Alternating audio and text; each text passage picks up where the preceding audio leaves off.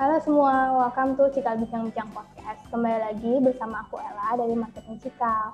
Nah, seperti biasa, aku nggak sendirian nih. Hari ini aku kedatangan salah satu alumni Cikal angkatan 2017 yang merupakan mahasiswa tingkat akhir di salah satu universitas ternama di Amerika.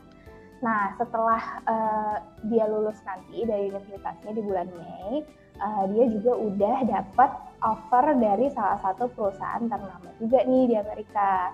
Penasaran kan ya perusahaan apa sih dan bagaimana perjalanannya selama kuliah uh, dan selama hidup di Amerika? Yuk kita langsung ngobrol bersama Agalia Biasa atau yang biasa dipanggil Agi. Halo Agi. Halo Miss. Agi, gimana? Apa kabar Gi? Lagi sibuk apa sekarang? Baik-baik, uh, kabar baik. Sekarang lagi sibuk um, preparation aja buat semester terakhir. Nggak, nggak kerasa udah semester terakhir. Semoga semester terakhir juga um, di kampus. Terus aku juga lagi ngurusin um, ada konferensi pemuda di Indonesia gitu. Jadi sekarang lagi tiga hari lagi closing. Jadi oh jam tidurku lagi kebalik nih mas. Lagi ngikutin jam tidur Indonesia. Tapi semoga abis selesai bisa kembali kembali normal jam tidurnya. Oke, amin. Berarti sekarang sekarang lagi di kota apa sih, Ki? Uh, aku di Madison, di Wisconsin. It's about two hours drive away dari Chicago, Illinois, gitu. Hmm, sama Indonesia bedanya berapa jam? Um, I think 13, kayaknya 13 deh. Ya, hmm. pokoknya di hmm. sini jam 8 jam 8 malam aja. Ya, 13 uh, harus saya lumayan jauh ya berarti beda beda jamnya. Mm. Ah, kangen nggak sama Indonesia?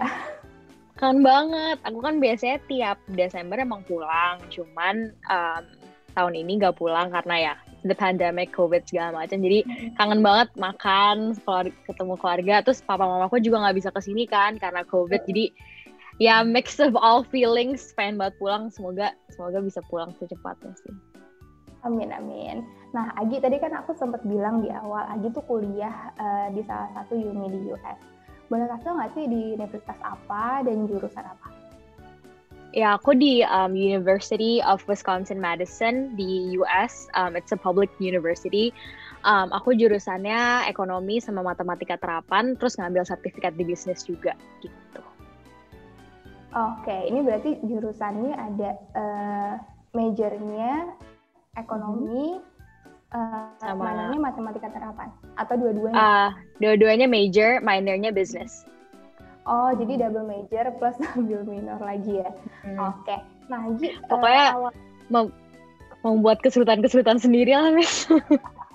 kesulitan-kesulitan yang dicari. Seperti biasa gitu ya, selalu iya, menantang diri sendiri ya. Oke. Okay awalnya tuh gimana sih Gi? Kenapa uh, milih untuk aku mau kuliah ini, uh, ngambil jurusan ini dan uh, milih untuk di US gitu? Hmm, hmm, ya. Uh, mungkin aku mulai dari kenapa US dulu kali ya. Um, Sebenarnya kenapa US? Memang orang tua aku backgroundnya dua-duanya sekolah di US. Jadi dari kecil tuh ada ekspektasi gitu sih, Miss. Kayak, oh kamu harus lanjutin um, kita, terus kamu juga ke US gitu. Jadi emang dari kecil udah agak ketanam. Cuman uh, pas aku masuk Cikal tuh, aku kelas 11, kelas 11 kan ya masuk Cikal SMA uh, sempat banget kepikiran buat kembali karena aku sempat SMA di Aussie juga jadi sempat kepikiran pulang pulang atau pergi ke Aussie lagi uh, dan UK gitu jadi sempat kepikiran dua itu cuman I think pas itu aku inget banget um, salah satu guidance counselor atau school counselor dari um, sekolah Cikal Setu tuh bener-bener dudukin aku sama mama aku sama papa aku juga untuk akhirnya diskusi dan refleksi bareng kira-kira model sekolah seperti apa sih yang aku yang cocok sama personal seperti aku. As Miss tadi udah bilang, I'm very active in high school, nggak bisa diam. Selalu aja bikin repot diri sendiri. Jadi memang uh, mencari juga kurikulum sekolah atau kurikulum um, kuliah ya yang juga bisa foster that that part of me gitu um, which is akhirnya pergi ke US karena di US hal simple sih mis kayak di US bisa ganti jurusan sampai tahun kedua. Apa aku tuh tahu aku pelin plan jadi dimasukin ke US di US juga banyak banget discussion sessions. Banyak banget um, kayak ngomong di kelas tuh dinilai segala macam. Bukan cuman karena tes. Jadi sebenarnya lebih ke oke okay, ada background keluarga tapi juga big part of it tuh sebenarnya apa sih yang cocok sama personality aku sama apa yang aku mau? Ya udah akhirnya memutuskan untuk um, ke US walaupun kemarin first optionnya tuh sebenarnya ke UK di US tuh last minute gitu miss. Aku bikin visa US sebulan sebelum berangkat karena bener-bener baru decide akhirnya saklek oke okay, aku pengen US karena dari kemarin tuh masih aduh pengennya UK dan waktu itu juga Donald Trump baru naik kan jadi sempat ada hmm. khawatiran juga dari orang tua gitu cuman udah di akhirnya uh, mantep yakinin buat yang terbaik kebetulan juga ketemu teman-teman yang bakal pergi ke sini juga dulu pas masih kuliah jadi makin yakin gitu akhirnya pergi ke US um,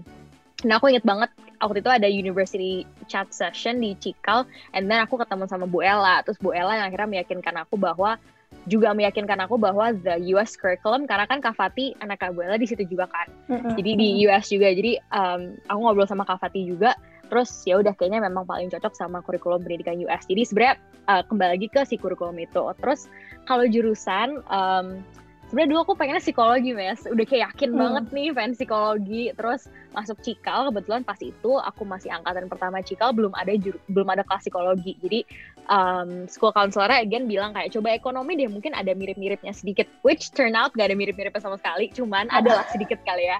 Um, cuman I think aku early on emang tahu sih aku suka banget sama ekonomi di um, di Cikal pun gitu ya dari high school uh, dengan guru-guru Cikal dengan um, IB juga I knew I really liked econ so I just continued pursuing it. Dan aku sadar juga kayak untuk tahu apa yang aku mau jurusan apa yang aku mau dari SMA tuh sebenarnya nggak mudah ya. Misalnya itu aku juga lihat di sini kayak banyak teman-teman yang akhirnya pindah atau teman-teman yang sampai tahun terakhir pun masih nyesel. Cuman aku one of the anomali malah menurut aku yang akhirnya bisa menemukan tuh jurusan cepet banget. Jadi sering aku ingetin sama teman-teman um, cikal juga atau teman-teman yang masih SMA tuh ya udah nggak usah tahu. Kalau misalnya salah ya nggak apa-apa gitu loh kayak a thousand other people is experiencing the same thing tapi aku mau highlight aja kalau sebenarnya menurut aku berdasarkan pengalaman aku yang udah tahu banget saklek banget mau jurusan apa dari kelas 11 tuh sebenarnya nggak gitu banyak gitu sih yang udah 100% yakin ya?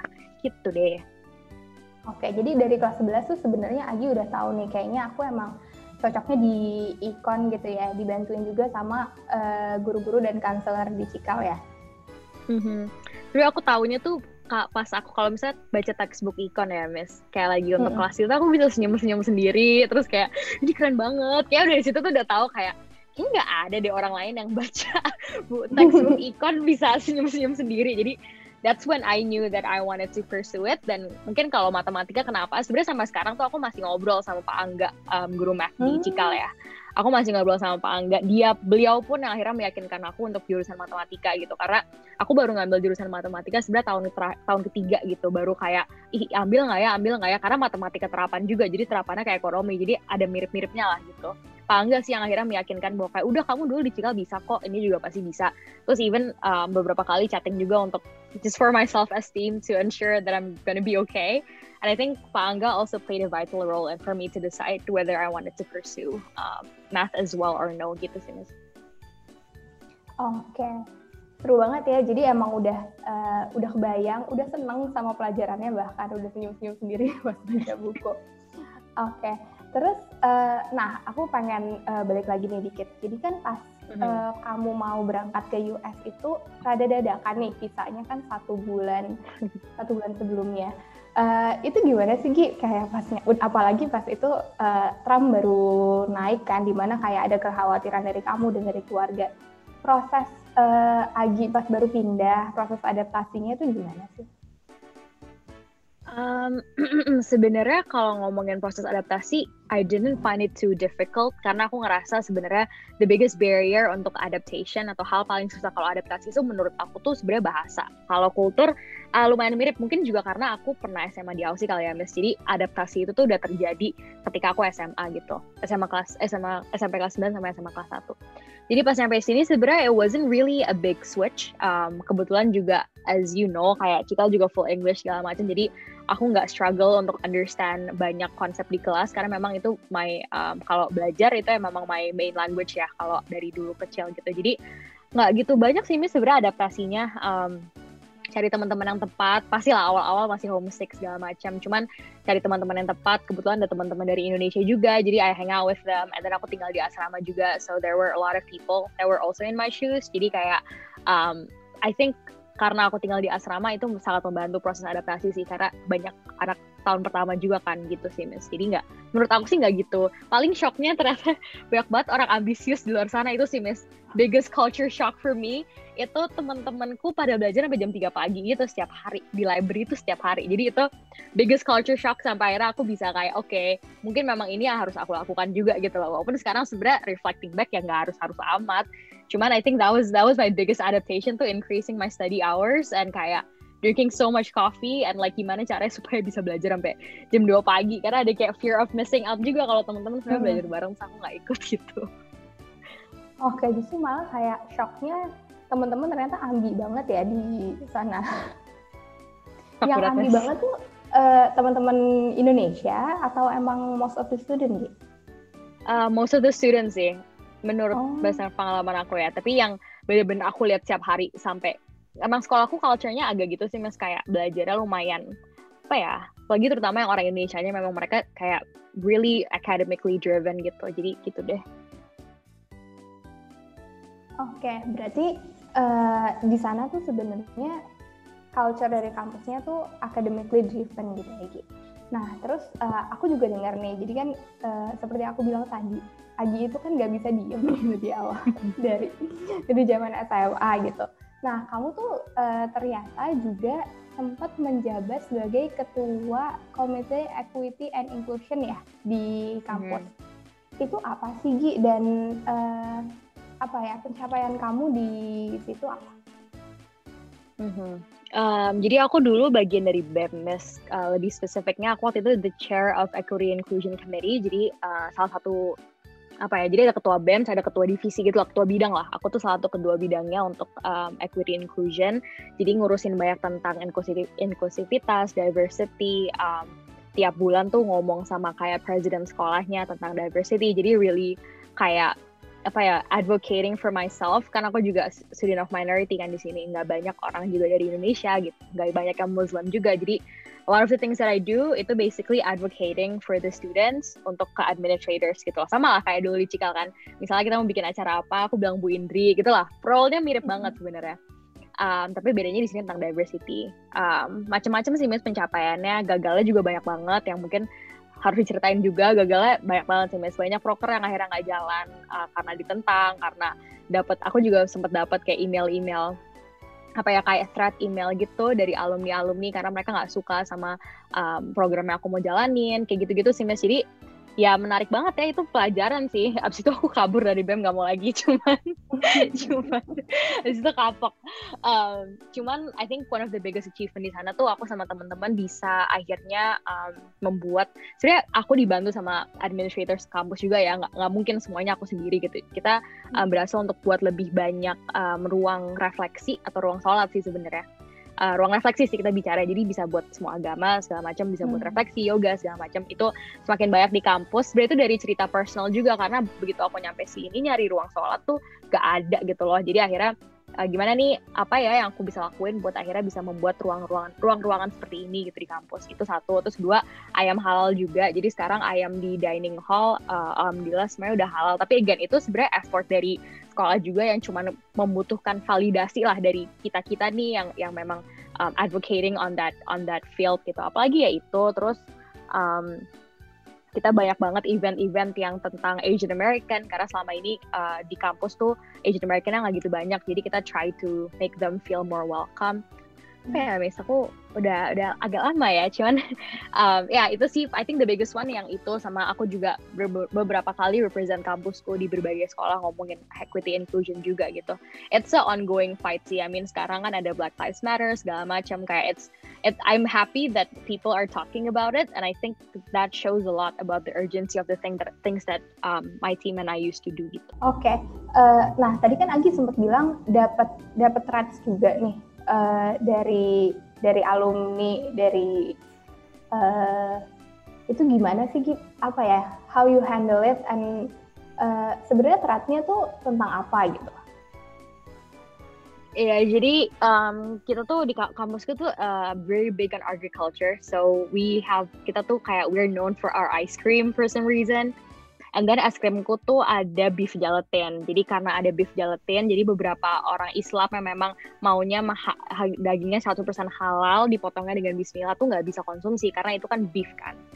Jadi basically kita tuh mencoba untuk pindahin semua gelatinnya jadi vegan gelatin dan nggak ada beef or pork gelatin lagi di es krimnya. Ya itu dapat banyak komplain dari alumni ke emailku katanya aku merubah tradisi lah, merubah kultur lah. Padahal sebenarnya intinya sebenarnya inklusivitas. Kita juga pengen teman-teman yang vegan bisa nyobain juga uh, si es krim ini. Teman-teman yang um, kosher yang Jewish juga bisa cobain. Cuman itu sih Miss kayak itu itu menarik banget sih aku awalnya nangis tuh aku telepon mama papaku terus mereka kayak ya mereka pertama nenangin cuman akhirnya mereka bilang ya udahlah kalau misalnya I mean not everyone can like my fight kan nggak semua orang bakal setuju juga sama apa yang aku percaya jadi yang penting aku teguh sama kepercayaan aku aku lanjutin terus kalau capek ya istirahat gitu ya gitu itu sih akhirnya aku banyakin istirahat sama banyakin refleksi lagi kira-kira apa yang salah ya apakah penyampaiannya yang salah apakah apa media komunikasi ke alumni-nya yang salah apakah seharusnya kita lebih uh, undang alumni untuk ngobrol juga sama kita. Jadi banyakkan refleksi sih mis habis itu kayak apa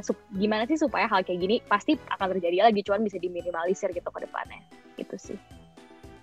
Oke jadi as as simple as es krim aja tuh bisa jadi ini ya bisa jadi sumber masalah juga gitu padahal sebenarnya perjuangan Aji tuh bukan bukan cuma buat uh, agamanya Agi gitu, tapi juga hmm. mewakili teman-teman yang lain gitu. Karena kan emang benar sih harus ada sih inklusivitas itu ya. Yes, yes. Oke, okay, uh, eh, nah alasannya Agi tuh uh, apa sih kenapa memutuskan untuk kayaknya aku gabung di BEM-nya di komite ini deh? Um, itu sih Miss dari cerita aku pas lagi maba lagi masa orientasi tuh aku nanya kayak oh di sini kalau mau doa di mana ya? So kayak orangnya kayak liatin aku kayak bingung banget gitu kayak she was so confused. Dia kayak bingung banget gitu kayak ah gimana gimana? Kamu mau doa? Dia kayak juga nggak tahu deh kayak kalau uh, di Islam tuh harus sholat lima waktu gitu kayaknya. Terus itu ya di situ sih saya aku ngerasa oh gimana ya supaya aku bisa um, bisa make a change gitu loh. Nggak usah make a change lah. Gimana sih supaya aku bisa menyuarakan this um, need of mine gitu sih. Um, dan aku dulu mikirnya OSIS sama BEM tuh mirip. Jadi kan aku suka nih OSIS fisikal terus aku daftar aja BEM kan. Kan nama namanya sama-sama kayak student government student council. Hmm. tahunnya sangat berbeda. Tapi ya udah lah apa-apa. Pengalaman ya. Aku dua tahun di BEM situ udah gak mau lagi. Cuman uh, sebenarnya awalnya juga gara-gara aku kira tuh mirip OSIS kurang riset nih kurang baca. Sikat. Terlalu terlalu cepet sikat sikat sikat gak gak dibaca kamu join di tahun berapa Hmm, dari dari maba sih, dari semester 1 sampai semester 4. Akhirnya semester 5 aku udah nggak ikutan lagi. Hmm, Oke, okay. apa sih yang yang beda banget dari BEM sama OSIS? Hmm, I think kalau dulu di Cikal ada banyak hal yang aku lakuin tuh sifatnya uh, bikin program ya, kayak um, Cikal Cup, Carnival, and then I talk a lot, I talk to a lot of people gitu loh throughout the time. Ya sama masih BEM juga kayak gitu. Cuman aku ngerasa BEM tuh lebih kepada kayak oke okay, mencari masalah yang ada di kampus. Misalnya masalah inklusivitas es krim atau masalah nggak ada tempat sholat atau misalnya masalah nggak ada ruang diskusi untuk um, teman-teman yang mungkin Asian American, yang teman-teman yang mungkin African American itu kita datang dari masalah terus mencari solusi. Sedangkan kalau di Chicago aku ngerasa kayak oke okay, what do we want to create? Dan kayak um, and then we ended up executing it gitu. Kalau ini bener-bener kayak serving kayak apa ya? Lebih kayak belajar jadi a servant leader sih, Miss, untuk actually mendengarkan kira-kira teman-teman di kampus ini butuhnya apa and how can my role be be um, be helpful to them gitu. Jadi itu sih kayak I think niatnya juga beda dari awal kalau ini memang untuk serving the community. Terus ada banyak hal di BEM tuh sebenarnya sangat politik ya dan itu aku juga baru tahu pas masuk BEM itu sih yang dulu di Cikal Cikal Student Council aku ngerasa I've never really had to go through that jadi lebih kayak I think the niat sama the culture of the community gitu sih hmm oke okay. jadi uh, berangkat dari masalah ya kalau misalnya BEM itu hmm. okay. berangkat dari mendengarkan ya, mirip sih sebenarnya cuman isunya agak lebih berat ya mis gitu. Oke. Nah, terus uh, tadi kan sempat mention nih, Aji tuh dulu juga uh, sempat terlibat di OSIS-nya Cikal.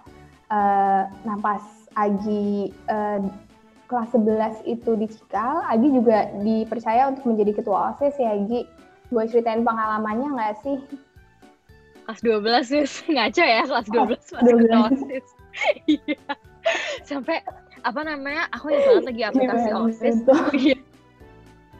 Lagi aplikasi osis uh, kriterianya hanya boleh kelas 11 gitu maksimal. Nanya Pak Rindra Pak gimana Pak? Saya mau ikut. Ya udah deh gak apa-apa. Dia bak kamu doang. Kayak jangan jangan kasih tau kasih yang lain. Kamu jangan jangan make people ini. Anyway it was really fun gitu. It's a really good pengalaman. Memang tadi aku ceritain ketika aku masuk ke osis di Cikal tuh banyak rekonstruksi sih Mes. Jadi kita lebih mikirin kayak oke okay, jangka panjang sampai sekarang nih sampai sampai 5 10 tahun lagi setelah aku lulus kira-kira bentuk OSISnya mau seperti apa, formatnya seperti apa, apa values values yang harus values values yang kita harus keep di OSIS. Gimana supaya OSIS ini bisa berkelanjutan. Jadi sebenarnya aku ngerasa dulu waktu aku di OSIS tuh lebih banyak mikirin strategi sama kayak format OSIS. Kita aku bikin handbook, kita bikin handbook OSIS, kita bikin kita lebih apa ya? I feel like dulu roleku dan Nitya ya sampai sekarang juga aku masih bareng sama Nitya. Um, roleku dan Nitya itu lebih ke rebranding OSIS supaya lebih banyak orang tertarik itu satu dan juga bagaimana supaya OSIS bisa berkelanjutan sampai hari ini. Jadi itu sih dan of course Cikal Cup juga berkesan banget, Cikal Carnival juga berkesan banget. Tapi I think yang paling berkesan tuh really kayak set laying the stone untuk teman-teman yang sampai sekarang masih di OSIS gitu sih. Jadi senang banget kalau ngelihat postnya Cikal Stuko sekarang. I'm so proud. Probably they don't know me. Um, cuman kayak it's it's so nice to see that it's still a thing and people actually still want to be a part of um, the student council gitu sih. Mm-mm, bener Gi dan masih masih seru banget sih nih acara-acara osisnya dan sekarang tuh lagi Cikal Cup nih. Mm-hmm. Jadi uh, mereka lagi kemarin-kemarin tuh pasti kayak mikir banget gitu gimana nih pandemi tetap bikin cikal cup gitu ternyata mereka bisa tuh lo handle handle-nya dan eventnya seru juga gitu. Oke, okay, nah uh, Agi kan jadi ketua OSIS kelas 12 kan Gi. Terus uh, jadi kelas 12 lagi sibuk-sibuknya belajar, jadi ketua OSIS juga dan ternyata Agi juga mendirikan si organisasi uh, anak muda itu ya Gi Bikamor ya. Nah, Agi salah satu co-foundernya kan. Boleh ceritain dulu nggak uh, gimana juggling tiga hal ini? Plus uh, Bikamor itu tuh organisasi apa sih dan alasan bikinnya apa? Iya, sebenarnya aku ralat dikit Mas. Aku mulai Bikamor pas aku di sini udah maba. Uh, Nitya, partnerku, co-founderku waktu itu masih kelas 10 di Cikal. Jadi, ya kan? Atau kelas 11 ya? Kelas 11 kayaknya. Um, jadi iya. pas itu aku udah di sini. Tapi anyway, juggling hmm. antara sekolah dan osis tuh aku ngerasa um, semakin aku refleksi tentang who I am as a person and the things I wanna do, memang aku harus selalu punya ekstrakurikuler sih. Malah kalau cuma akademik doang tuh jadinya kerasa banget motivasi ke sekolah nggak ada. Dan aku tuh orangnya juga lama-lama aku ngerasa bahwa organisasi tuh kayak my hobby deh, mas. Kayak I truly enjoy being a part of an organization. Jadi lama-lama kayak sedang berdamai dengan diri sendiri bahwa bahwa mungkin hobiku tuh memang doing the things that I do. So I never see um, student council atau sekarang di kamar juga as a burden. Kayak aku nggak ngerasa bahwa ini tuh um, su, apa namanya bikin aku ya memang bikin stres sih iya sih. Cuman kayak lebih I do it for fun gitu. I do it as an outlet dari abis selesai belajar dan sampai sekarang juga um, kalau mau ngerjain organisasi tuh aku jamin kayak misalnya aku baru bisa ngerjain di Kamor atau ngerjain uh, organisasi kampus abis jam 8 gitu. Selalu ada waktunya hmm. supaya there's something I'm always looking forward to. Atau kalau sekarang kan di di US aku juga masih urusin Become More. Kita lagi selesai baru masih conference sekarang. Cuman uh, week aku cuma kerjain Become More itu strictly on weekends and everyone know that gitu. My team knows that aku cuma kerjain Become More di weekend. Jadi mereka pun kalau mau minta revisi, minta pendapat segala macam itu di weekend. Jadi I think banyak dari itu sebenarnya bagi-bagi waktu sih Miss kayak uh, and knowing to set your boundaries as well, communicating that to the team. Aku ingat juga I'm very grateful aku ketemu Nitya. Uh, Miss juga pasti tahu Nitya ya that he's A plus aku aku bersyukur banget juga ketemu Neshrin karena timku sekarang tuh Neshrin Nitya aku gitu. Ada sama satu lagi anak SMA 38 cuman anyway aku beruntung sih ketemu teman-teman dan partner-partner kerja yang sangat-sangat mengerti kesibukanku. Jadi dari dulu di OSIS pun kalau aku harus belajar Nitya sama Neshrin take take over the things that I have to do gitu. Terutama Nitya kali ya dulu ya. Jadi I think key-nya adalah satu time management dua communicating your boundaries. Kayak oke okay, aku nggak mau dihubungin jam segini aku cuma bisa kayak gini. Sama juga knowing your expertise sih mas itu penting. Karena aku sebagai um, leader juga ya kayak aku nggak bisa ngelakuin semuanya dari desain sampai bikin proposal tuh aku nggak jago semuanya gitu.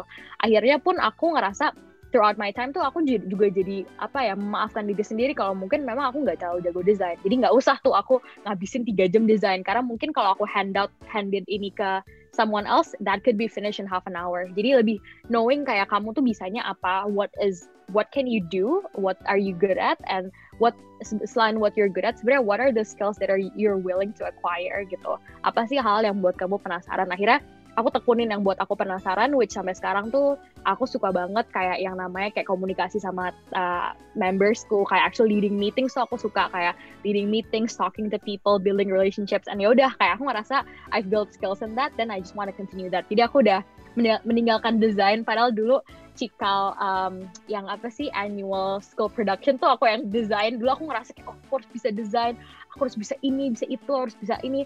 Sekarang aku sticking with either finance kalau nggak leading meetings kalau nggak building relationships. Jadi yang udahlah aku emang bisanya di situ gitu. Akhirnya itu sih miss. Um, gimana akhirnya bagi waktu ya gitu kali.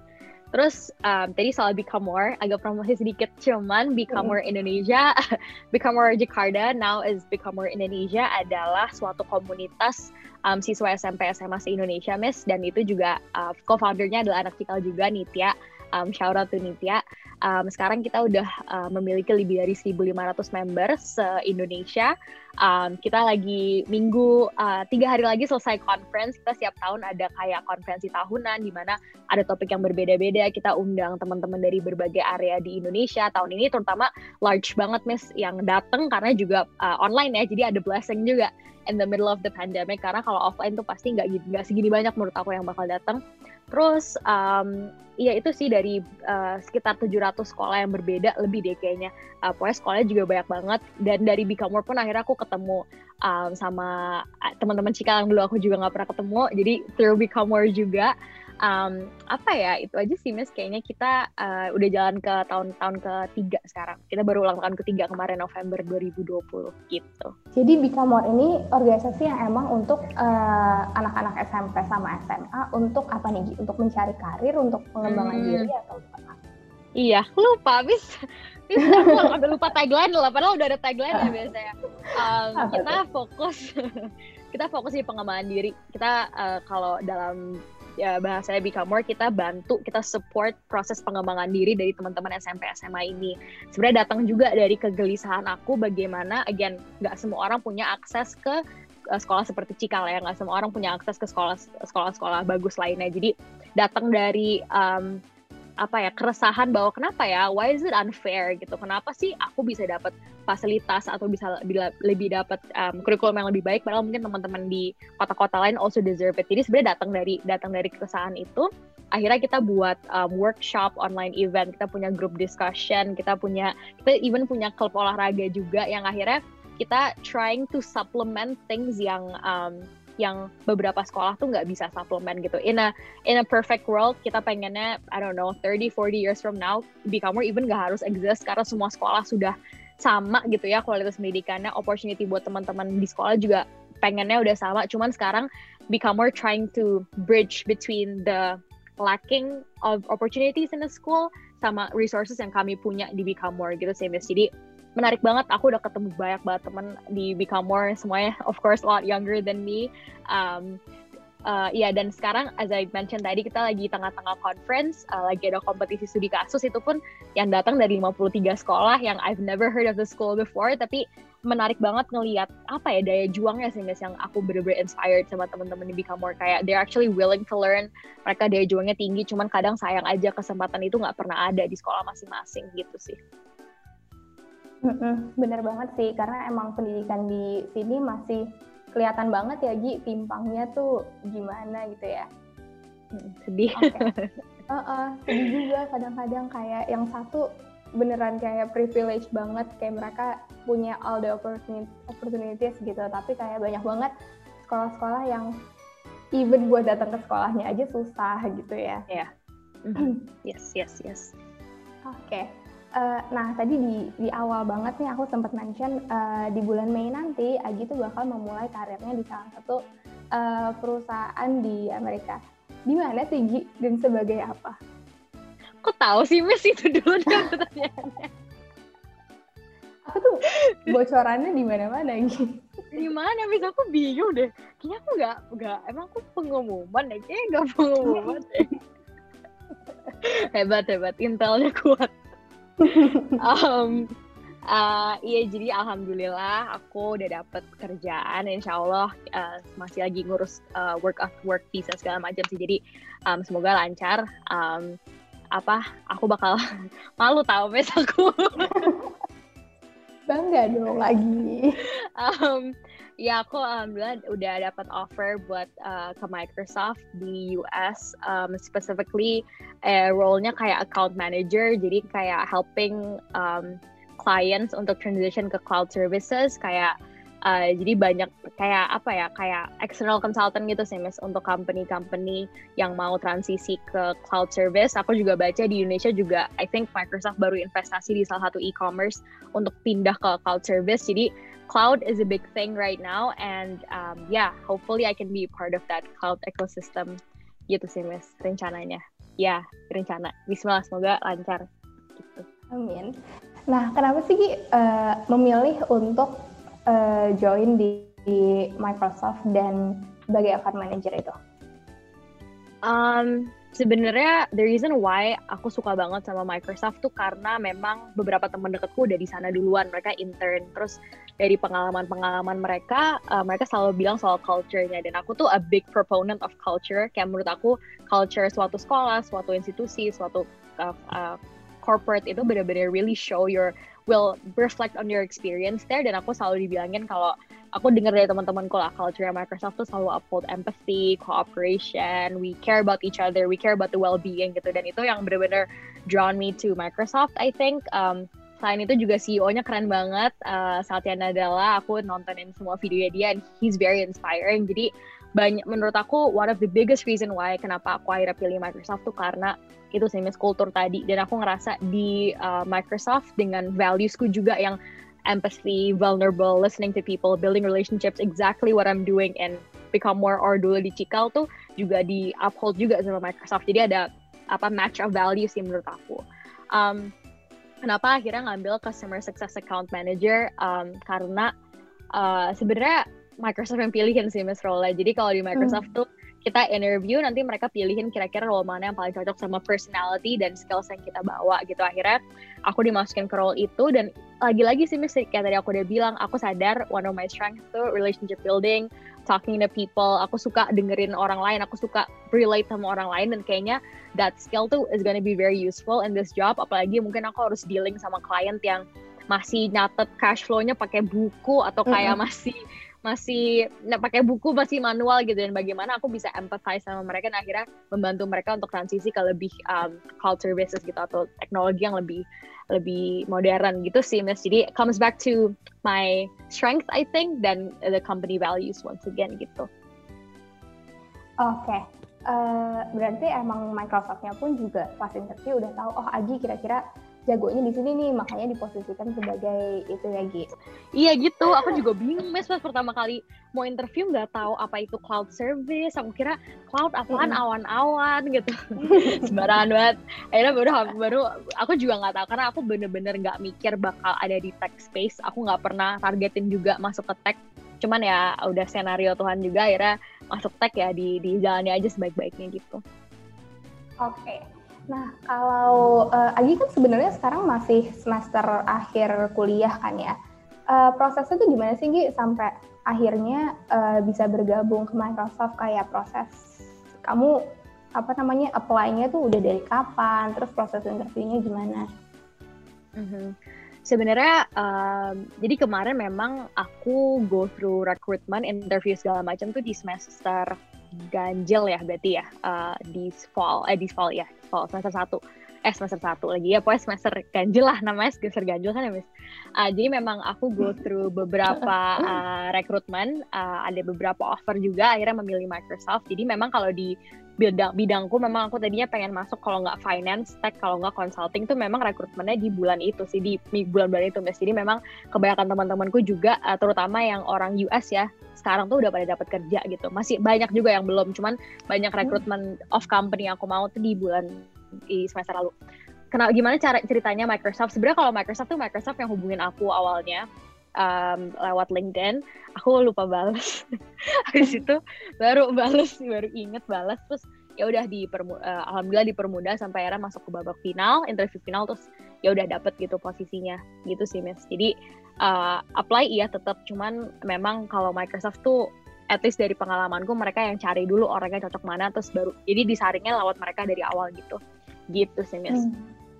Oke, jadi offernya datang dari Microsoft, baru kamu go through kayak interview dan lain-lain setelah uh, offernya mereka ya? Um, sebenarnya offer tuh tetap habis aku interview, cuman mereka lebih kayak show mereka interest gitu loh, kayak eh coba deh kamu apply, kayak kamu cocok banget, cuman tetap harus ngikutin semuanya interview ronde pertama, ronde kedua, um, segala macam tetap harus diikutin gitu sih. Hmm, oke okay, oke. Okay. Uh, eh, berarti jadi kamu udah udah dapat offer akhirnya kayak ini di bulan apa? Terus mereka emang bakal nungguin kamu sampai lulus ya Ji sampai di bulan Mei itu? Mm-hmm. iya. Semoga hmm, lulus itu, ya nah, lulus lah insya Allah. Nah itu emang uh, culture-nya di sana kayak gitu atau gimana sih Ji?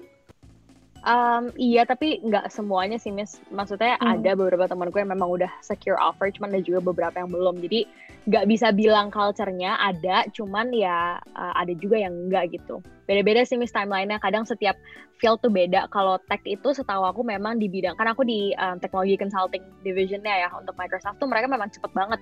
Awal bulan uh, September tuh udah selesai semua interview gitu untuk ma masuk hmm. ke Agustus tahun depannya. Tapi beda-beda kayak teman-teman yang mungkin di finance atau di software engineering Microsoft sampai sekarang masih rekrutmen. Jadi tergantung bidangnya sih uh, setahu aku ya gitu. Jadi beda-beda semua. Hmm, oke okay, oke. Okay.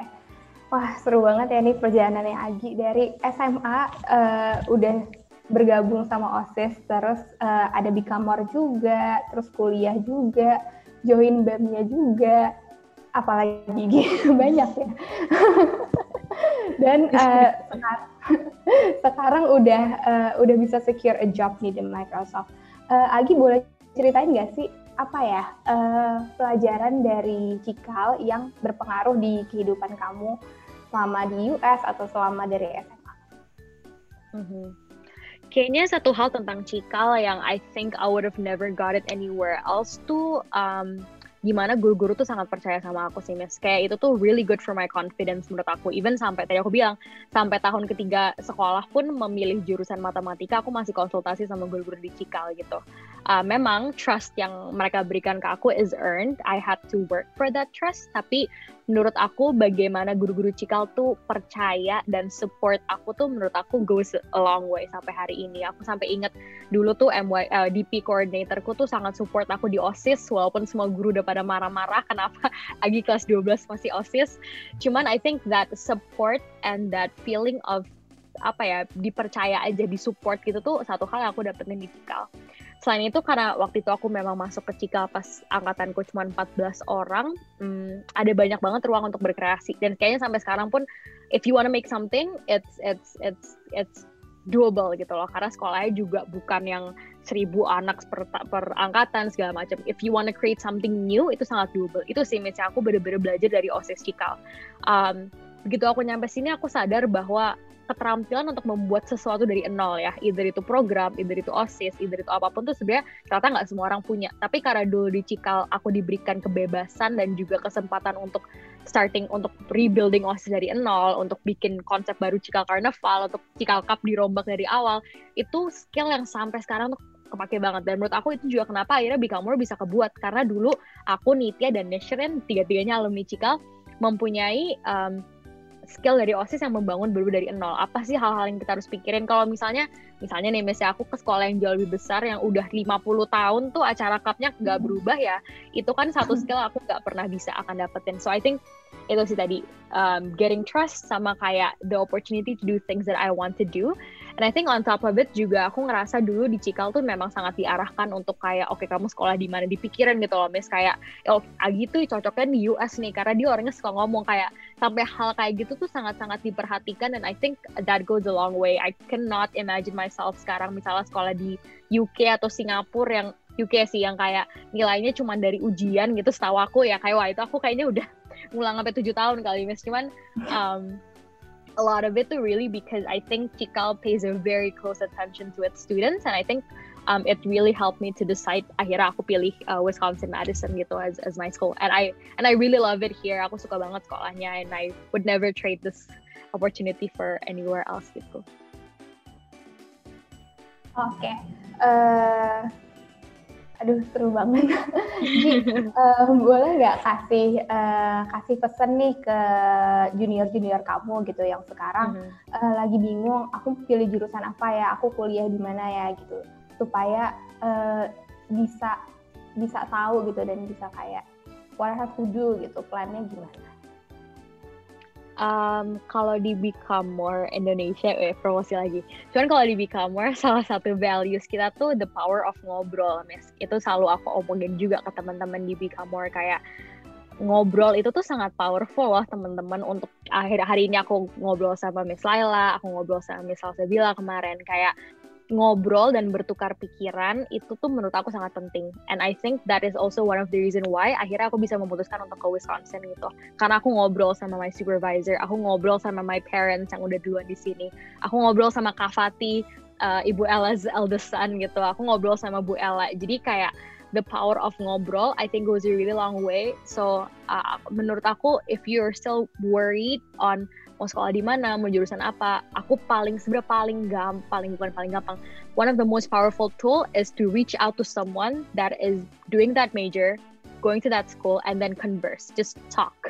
Uh, talk to them about yourself, ceritain kamu tuh orangnya kayak gimana juga, bukan one way ya, bukan kayak interview ya, misalnya kayak oh oh jadi kakak gimana sekolah ya? Nggak jangan kayak gitu. Kamu juga cerita tentang diri sendiri supaya lawan bicara juga bisa mengerti apakah the school and the major is a good fit for you. Jadi satu the power of ngobrol. Sama kedua don't pressure yourself sih miss. Kalau memang sampai nanti masuk kuliah belum tahu mau jurusan apa ya nggak apa-apa gitu loh. Kayak menurut aku nggak ada sama sekali namanya jurusan buang-buang. Nggak ada yang buang-buang waktu nggak ada yang buang-buang uang. Semuanya tuh pasti ada pasti ada alasannya kenapa Tuhan menempatkan kamu di jurusan itu dulu. Jadi I think um, di jalannya semua yang terjadi mau masuk jurusan salah atau nanti salah pilih atau segala macam dijalani aja sebaik-baiknya.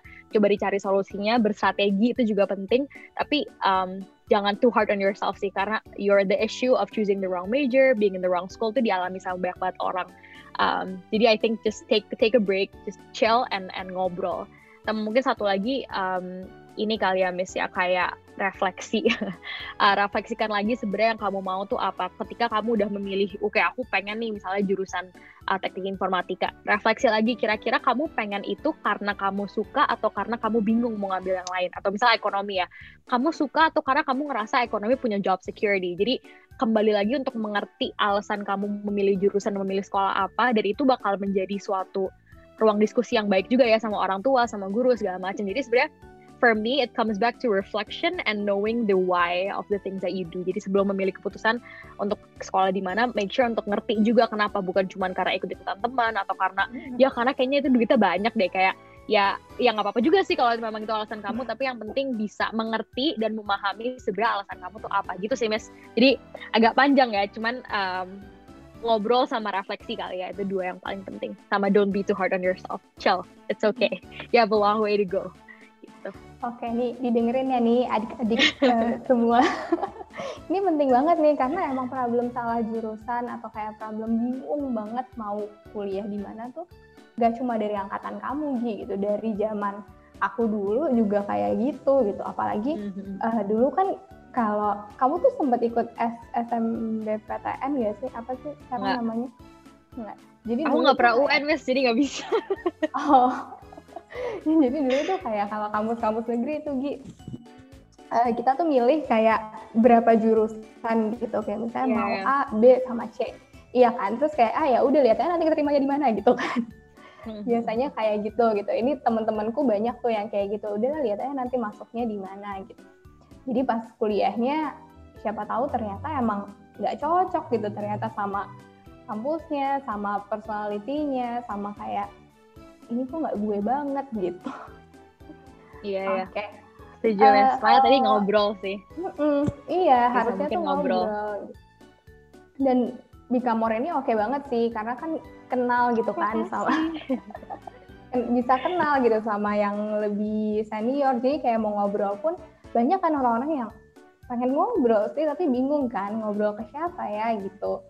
Jadi dengan Agi adanya Bikamor ini ini menurut aku bisa ngasih kesempatan untuk uh, junior-junior untuk cari temen ngobrol gitu ya Gi. Iya, terutama yang dari backgroundnya sangat berbeda itu sih keren hmm. banget gue sekarang dengar dari perspektif orang dari Mojokerto ternyata beda sama yang dari Bali gitu misalnya itu yang menurut aku sangat menarik gitu sih.